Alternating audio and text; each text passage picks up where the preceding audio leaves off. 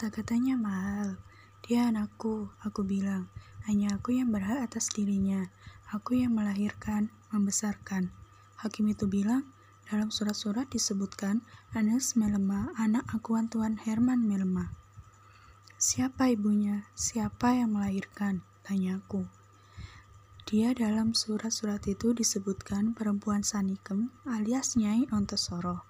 Tapi, akulah Sanikem. Baik, katanya. Tapi Sanikem bukan Mevro Melema. Aku bisa juga saksi, kataku. Akulah yang telah lahirkan dia. Dia bilang, Anels Melema berada di bawah hukum Eropa. Nyai tidak. Nyai hanya pribumi. Sekiranya dulu Jufro Anels Melema tidak diakui Tuan Melema, dia pribumi dan pengadilan putih tidak punya sesuatu urusan. Nah, Mingke, betapa menyakitkan. Jadi aku bilang, aku akan sangkal keputusan itu dengan advokat siapa saja yang mampu. Silahkan, katanya dengan dingin. Analis hanya menangis dan menangis, sampai-sampai aku lupa pada soal lain. Ia menarik nafas dalam. Sementara kau tadi juga datang, nak, nyo, kau akan bisa bela istrimu dan kepentinganmu, biarpun tidak di dalam sidang. Dia, hakim itu toh punya anak dan istri juga. Aku yakin semua orang akan dapat mengerti perasaanku waktu itu. Gemas, marah, cengkel, tapi tak tahu apa harus aku perbuat. Ternyata dalam hal ini aku hanya bocah kecil yang masih beringus. Aku bilang juga, anakku ini sudah kawin, dia istri orang. Orang itu hanya tersenyum tak kentara dan menjawab, dia belum kawin, dia masih di bawah umur. Kalau toh ada yang mengawinkan atau mengawininya, perkawinan itu tidak sah. Kau dengar itu, Mingke? Nak, tidak sah. Ma, malahan aku diancam melakukan pelanggaran tidak melaporkan perkawinan yang tidak dibenarkan itu. Dianggap bersekutu dalam pemerkosaan. Kantor sunyi. Tak ada langganan datang. Kami bertiga terdiam. Hanya seorang advokat yang pandai dan jujur boleh jadi bisa melakukan sangkalan atas keputusan pengadilan Amsterdam itu. Uh, pengadilan Amsterdam sama sekali belum pernah melihat kami. Bagaimana bisa sebuah pengadilan, pengadilan putih pula, dengan orang-orang yang sangat terpelajar dan berpengalaman mengurusi keadilan, bergelar master, bisa bekerja memperlakukan hukum yang begitu berlawanan dengan perasaan hukum kami, dengan perasaan keadilan kami. Aku belum sampai bicara tentang pembagian peninggalan yang sama sekali tak menyebut-nyebut tentang hakku. Memang, tak mencukupi surat-surat padaku yang membuktikan perusahaan ini milikku. Aku hanya mencoba mempertahankan analis. Hanya dia yang teringat olehku waktu itu. Kami hanya berurusan dengan analis, katanya. Kau seorang nyai, pribumi, tak ada urusan dengan pengadilan ini. Dan mama menggertakkan gigi, geram. Akhir-akhirnya, katanya kemudian dengan suara rendah. Persoalan tetap Eropa terhadap pribumi, Mingke, terhadap diriku. Ingat-ingat ini. Eropa yang menelan pribumi sambil menyakiti secara sadis. Eropa. Hanya kulitnya yang putih. Ia mengumpat. Hatinya bulus mata. Dan advokat itu orang Eropa juga, Ma. Hanya pengabdi uang. Bertambah banyak uang kau berikan kepadanya, bertambah dia jujur padamu. Itulah Eropa. Aku bergidik. Seluruh tahun-tahun pelajaran di sekolah dijungkir balikan oleh seorang nyai dalam hanya tiga kalimat pendek. Andis telah tertidur kelelahan dari ketegangan emosi dengan badan tertelungkup di atas meja. Kuampiri dan kubangunkan. Mari pindah ke atas, An. Ia menolak pergi. Duduk tegak lagi di kursinya. Tidur saja, An. Biar kami urus kau sebaik-baiknya pinta mama dan ia menurut. Aku antarkan ia ke loteng, kuselimuti dan kuhibur. Mama dan aku akan bekerja keras, An. Ia hanya mengangguk. Dan aku tahu benar, mulutku telah membohonginya. Aku tak tahu sesuatu tentang seluk-beluk hukum, bagaimana pula hendak bekerja keras. Aku tinggal dulu ya, An. Ia mengangguk lagi. Tapi tak sampai hati diri meninggalkannya dalam keadaan seperti itu. Seperti ikan yang sudah ada di penggorengan. Betapa mengibarkan nasib boneka rapuh istriku ini. Nampak benar ia telah kehilangan kemauan untuk berbuat sesuatu. Panggilkan dokter Martinet ya, An. Ia mengangguk. Aku turun dan kusuruh seseorang memanggilkan dokter keluarga itu. Marjuki kulihat melarikan bendi menuju ke arah Surabaya. Di kantor Mama sedang berhadapan dengan seorang lelaki Eropa, bertubuh kecil seperti kelingking. Mungkin hanya setinggi pundakku, kurus dan gepeng, kepalanya botak licin, matanya agak sipit. Ia berkacamata kodok. Mama memperhatikannya membaca surat-surat di pengadilan Amsterdam untuk analis. Itu rupanya Mr. Dera-Dera Lely Butox. Jelas, ia bukan sebangsa jin, dan dialah ahli hukum Mama selama ini. Heran juga mengapa Mama masih mau berurusan dengannya. Kan, di depan hakim dia telah tidak berbuat apa-apa. Aku perhatikan mereka berdua. Mama memang sudah tidak semerah tadi. Gerak-gerak gerak-geriknya pun lebih tenang. Mingke, Inilah Tuan Dera-Dera. Dan kami berkenalan. Ini Mingke, suami anakku, menantuku. Ah, ya. Sudah banyak ku dengar tentang Tuan. Bolehkah aku menyelesaikan mempelajari kembali surat-surat ini dahulu? Dan tanpa menunggu jawaban, ia kembali pada pekerjaannya. Orang sebesar kelingking dengan muka penuh bekas ledakan gunung jerawat itu sampai berapa kekuatannya menghadapi kesewenangan dan keperkasaan dan kedinginan hukum dan keadilan Eropa? Dan kalau dia orang Eropa, pada siapa akan berpihak? Dan ia pelajari kertas-kertas itu lembar demi lembar, membalik-balik dan membacanya lagi. Mama sekarang mondar-mandir menyelesaikan pekerjaannya, bahkan sendiri menyuguhkan minuman. Ahli hukum itu tetap tenang, mempelajari berkas salinan seakan tak ada terjadi sesuatu di sekelilingnya. Pada akhirnya, sejam kemudian, ia tumpuk surat-surat itu dan ditindihnya dengan batu hitam, batu peninggi. Ia merenung penting, menyeka muka dengan setangan, mendeham sembari menatap aku, kemudian pada mama, dan ia tak bicara apa-apa. Jadi, bagaimana Tuan Lily Butox? Tanya Mama. Oh, maafkan. Tak tahu aku bagaimana harus menyebut nama Tuan dengan benar. Ia tersenyum, pendek saja. Yang ternyata karena ompongnya. Oh, tak apa-apa. Itu hanya nama untuk tanda tangan, Nyai. Jangankan tidak bisa disebut orang, tidak disebut pun tak mengapa. Tuhan masih bisa berolo-olo dalam keadaan kami seperti ini. Tuan Lely Butox, kami sudah pada setengah gila begini. Memang begitu, Nyai, kalau soal hukum. Orang tak perlu mengubah perasaan atau air muka. Walhasil sama saja apa orang tertawa, bercingkrak, atau menangis meraung-raung. Dia tetap yang menentukan hukum itu. Jadi, kami akan kalah dalam perkara ini. Lebih baik tidak bicara tentang kekalah ya Nyai, kata advokat itu dan tangannya mulai menggerayangi surat-surat itu kembali. Kita belum lagi mencoba. Maksudku, harap Nyai tetap tenang dan dingin seperti hukum itu juga. Semua perasaan takkan ada pengaruhnya. Semua kemarahan dan kekecewaan akan sia-sia. Tuan dengar? Tiba-tiba ia hadapkan mukanya padaku. Tuan mengerti Belanda dengan baik.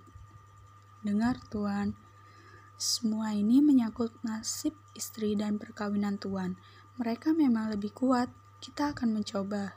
Artinya, kalau Nyai dan Tuan punya kepercayaan bahwa keputusan ini harus disangkal, paling sedikit pelaksanaannya bisa ditunda. Pada saat itu juga aku mengerti, kami akan kalah dan kewajiban kami hanya melawan, membela hak kami sampai tidak bisa melawan lagi.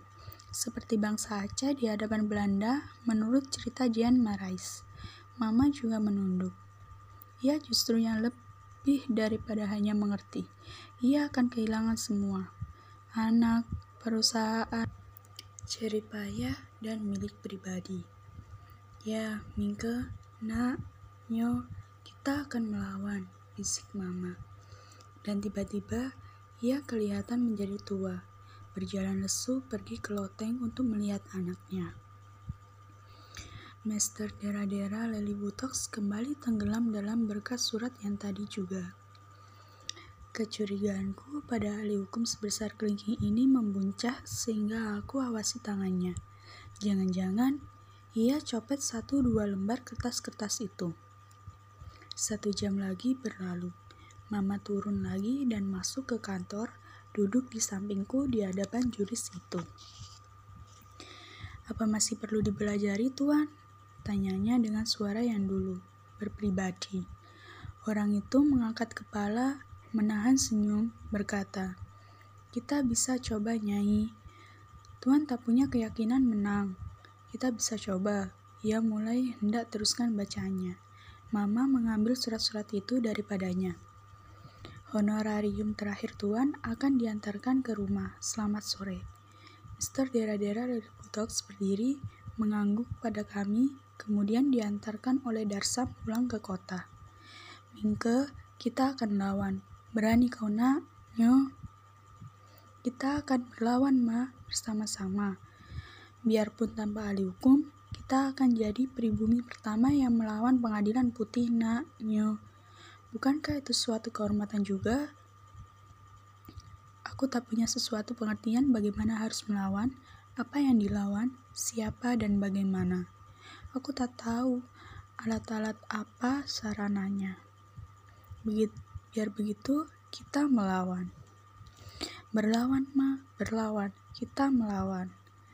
Kalau Anils bisa, kau bikin bangun untuk melawan, dia takkan jatuh bangun dalam kesakitan dan ketidakmampuan. Dia akan jadi teman hidup terbaik bagi seorang suami seperti kau. Dalam menunggu Annelies, kulep Pas pikiranku untuk mendapatkan gambaran tentang segala yang sedang dan telah terjadi. Insinyur Maurice Melema dan ibunya bagaimanapun memang beralasan mendendam Herman Melema. Apa kemudian nyatanya? Mereka tidak mendendam harta peninggalannya, bahkan menginginkan seutuhnya tanpa satu sen pun boleh lolos. Jadi, pada dasarnya mereka sudah mengharapkan kematian Papa Annelies mereka sudah menyertai dan membenarkan perbuatan Ah dalam batin mereka, dan mereka tak akan dihukum karena itu. Kehidupan batin dan perasaan tak ada disebutkan dalam surat-surat resmi. Benar, ini tak lain dari perkara bangsa kulit putih menelan pribumi, menelan mama, analis, dan aku. Barangkali ini yang dinamai perkara kolonial, sekiranya penjelasan Magda Peters benar perkara menelan pribumi bangsa jajahan. Tiba-tiba, aku teringat pada golongan radikal yang mengendaki keringanan terhadap penderitaan pihak pribumi seperti yang pernah disindirkan oleh guruku itu. Juga yang dikendaki SDAP. Ah, Jufro yang budiman, aku menyesal tak antarkan kepergianmu. Kalau kau masih di Surabaya, tentu kau akan mengulurkan tangan, paling tidak memberi petunjuk membantu kami, dan kau pasti akan melakukan dengan senang hati. Melalui Magda Peters memancar duga sangka yang mungkin terlalu hayali. Ia secara halus diusir dari Hindia untuk memudahkan pelaksanaan keputusan pengadilan Amsterdam. Barangkali kau tidak diusir, hanya disingkirkan dari perkara yang bakal dilaksanakan. Duga sangka ini mengambil bentuk yang lebih jelas. Semua memang sudah diatur sebelumnya oleh persekutuan setan antara Maurice Amelia dengan pengadilan Amsterdam. Dan kalau benar Magda Peters disingkirkan, Tuan Direktur sekolah dan para guru HBS lah yang paling tahu keakraban kami berdua. Kalau duga sangka hayal itu benar, semua adalah sandiwara setan untuk dapat menganiaya orang secara sadis. Maka juga lulusku sebagai nomor dua untuk seluruh India atau nomor satu tidak mungkin. Kurang lebih adalah juga suatu sandiwara. Hanya dibikin-bikin untuk menyenangkan golongan liberal atau SDAP. Bolehkah aku punya duga sangka semuluk itu? Adilkah sudah pikiranku sebagai terpelajar? Tidakkah aku terlalu bodoh dan terlalu muda untuk boleh berduga sangka demikian? Aku timbang dan timbang. Tak bisa lain. Aku cenderung untuk membenarkannya. Pemecatanku dari sekolah, penarikan kembali pemecatan, penutupan diskusi sekolah, pengusiran Magda Peters, campur tangan Tuan Asisten Residen B, undangan yang diumumkan oleh Tuan Direktur Sekolah di hadapan pesta lulusan, juga ketidakhadirannya sendiri, dan para guru dalam pesta perkawinan kami. Malahan, hanya diwakili dengan sepucuk surat yang dibawa oleh Magda Peters. Tidak, aku tidak terlalu bodoh, juga tidak terlalu muda untuk mengerti. Satu sama lain bersangkutan, berpilih untuk memenangkan Maurice Melema terhadap pribumi Sanikem, anak dan menantunya, harta dan bendanya. Kau sudah dapatkan pikiran nak? Nyo. Ma, sore ini, kalau tidak meleset, akan terbit tulisanku yang pertama dalam rangkaian ini. Kalau akal waras tak menyambut, ma, kita kalah, ma. Kita membutuhkan waktu. Jangan pikirkan kekalahan, kata Dera-Dera Pikirkan dulu perlawanannya sebaik mungkin, sehormat mungkin.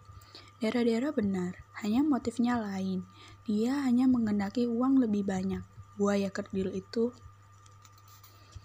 kita akan berpaling pada kenalan-kenalanku orang Eropa yang baik, mah. Jangan keliru.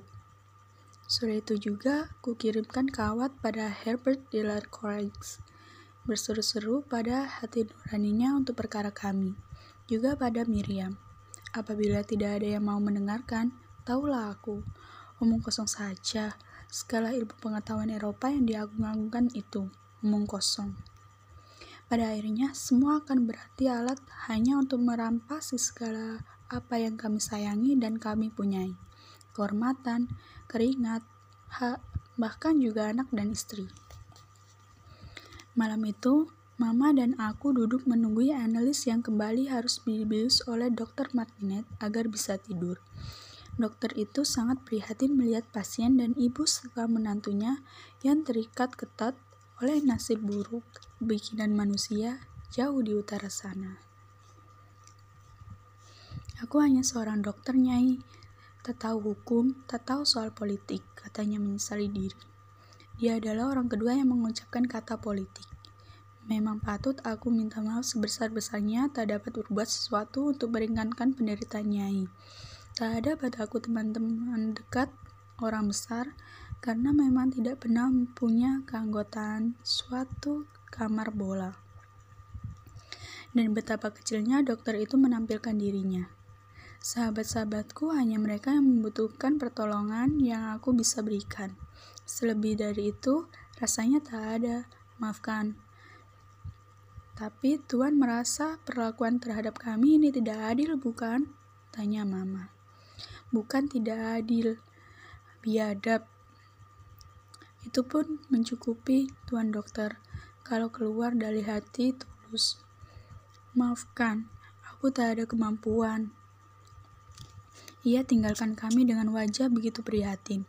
Di pintu ia berkata dengan nada keluh. Tadinya aku sangka satu-satunya kesulitan dalam hidup hanya urusan pajak. Tak pernah aku tahu ada kesulitan semacam ini di bawah kolong langit. Ia hilang dalam kegelapan diantarkan oleh Darsam. Sudah lima jam, kawat pada asisten residen B dan putrinya dikirimkan. Lima jam. Jawaban belum juga tiba. Apa Herbert dan Miriam de la Croix sedang tak ada di rumah? Atau mereka justru menertawakan kami sebagai pribumi? Ya, nah, nyo, memang kita harus melawan. Betapapun baiknya orang Eropa itu pada kita, toh mereka takut mengambil resiko berhadapan dengan keputusan hukum Eropa, hukumnya sendiri. apalagi kalau hanya untuk kepentingan pribumi.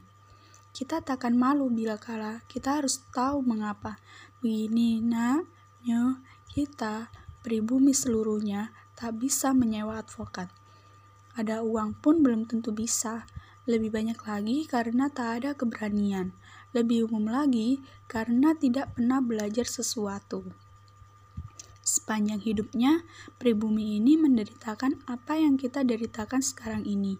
Tak ada suara nyo, membisu seperti batu-batu kali dan gunung. Biarpun dibelah-belah jadi apa saja. Betapa akan ramainya kalau semua mereka bicara seperti kita, sampai-sampai langit pun mungkin akan roboh kebisingan. Mama sudah melupakan perasaannya sendiri. Ia telah menempatkan perkara itu jadi persoalan pikiran telah meninggalkan hati sendiri dan keluarga, telah menyangkut batu-batu kali, gunung, batu jadas, dan kapur yang berserakan di seluruh bumi Jawa, di seluruh India. Mereka yang bermulut tapi tak bersuara dan tetap ada hati di pedalaman dan diri. Dengan melawan, kita takkan sepenuhnya kalah. Dan nada ucapannya adalah pengetahuan bakal kalah. Mereka tak kenal malu, mah Malu bukan urusan peradaban Eropa. Mama membeliak padaku seperti memarahi. Kau yang selama ini sudah bergaul dengan mereka, bagaimana kau bisa bicara seperti itu? Kau, nak, nyo, sebagai pribumi, mestinya dan harusnya malu punya pikiran seperti itu. Jangan sekali-kali bicara soal malu tentang Eropa. Mereka hanya tahu menyapai maksud-maksudnya. Jangan kau lupa, nak. Nyo. Baik, Ma. Jawabku mengakui keunggulannya. Tentang benar tidaknya tentu soal lain lagi. Aku tak pernah bersekolah, nak. Nyo. Tak pernah diajari mengagumi orang Eropa. Biar kau belajar sampai puluhan tahun, apa pun yang kau pelajari, jiwanya sama. Mengagumi mereka tanpa habis-habisnya, tanpa batas, sampai-sampai orang tak tahu lagi dirinya sendiri siapa dan di mana. Biar begitu, memang masih lebih beruntung yang bersekolah. Setidak-tidaknya, orang dapat mengenal bangsa lain yang punya cara-cara tersendiri dalam merampas milik bangsa lain.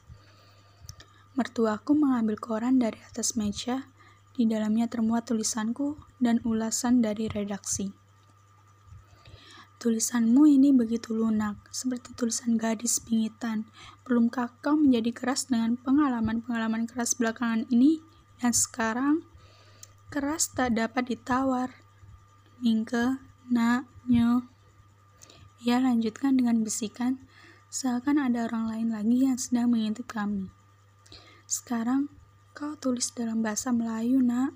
Koran Melayu tentu lebih banyak dibaca orang. Sayang, mah, tak bisa menulis Melayu.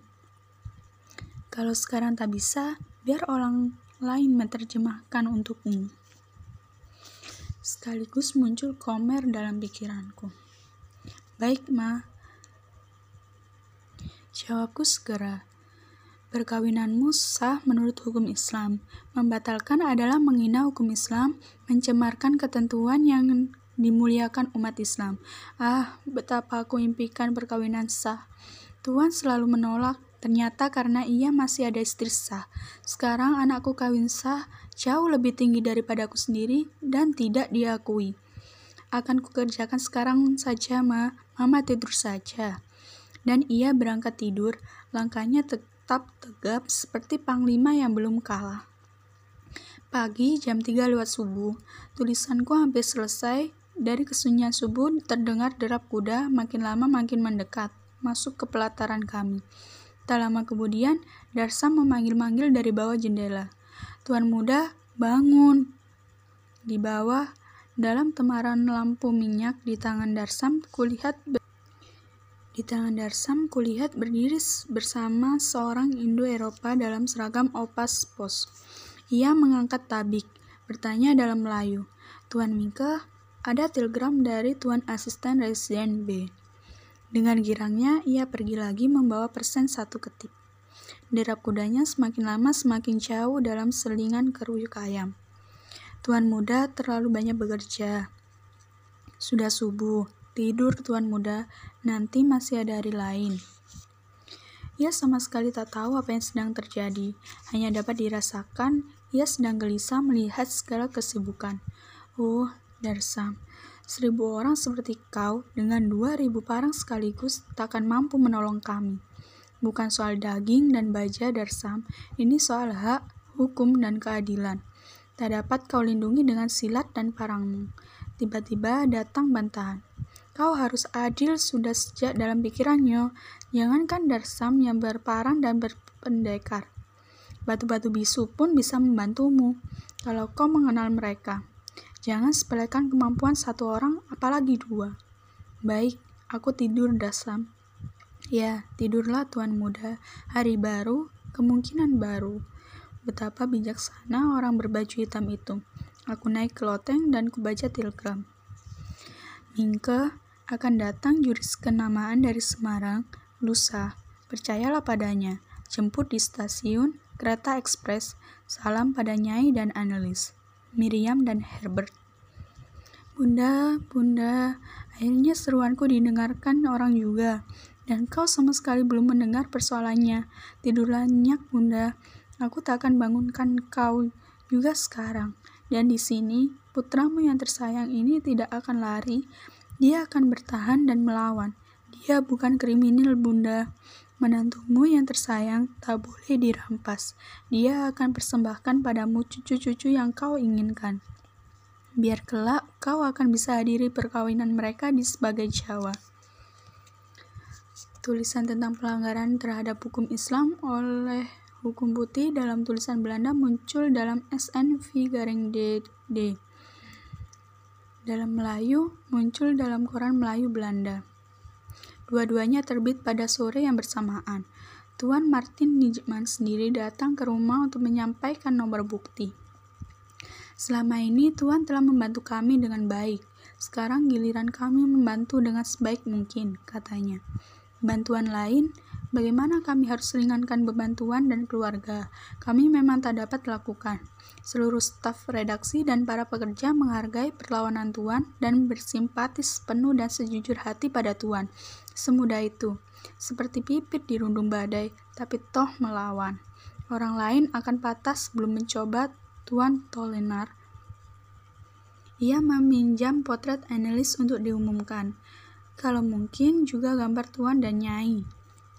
Dari mama, ia mendapat selembar gambar besar istriku berpakaian Jawa dengan berlian dan mutiara bertaburan. Hanya sayang gambar ini tidak bisa disegera diumumkan. Harus menunggu barang dua bulan. Nijeman menerangkan. India masih rimba belantara. Di sini belum ada public place yang bisa menyalin gambar ini ke dalam timah. Sinkografi belum dikenal di sini.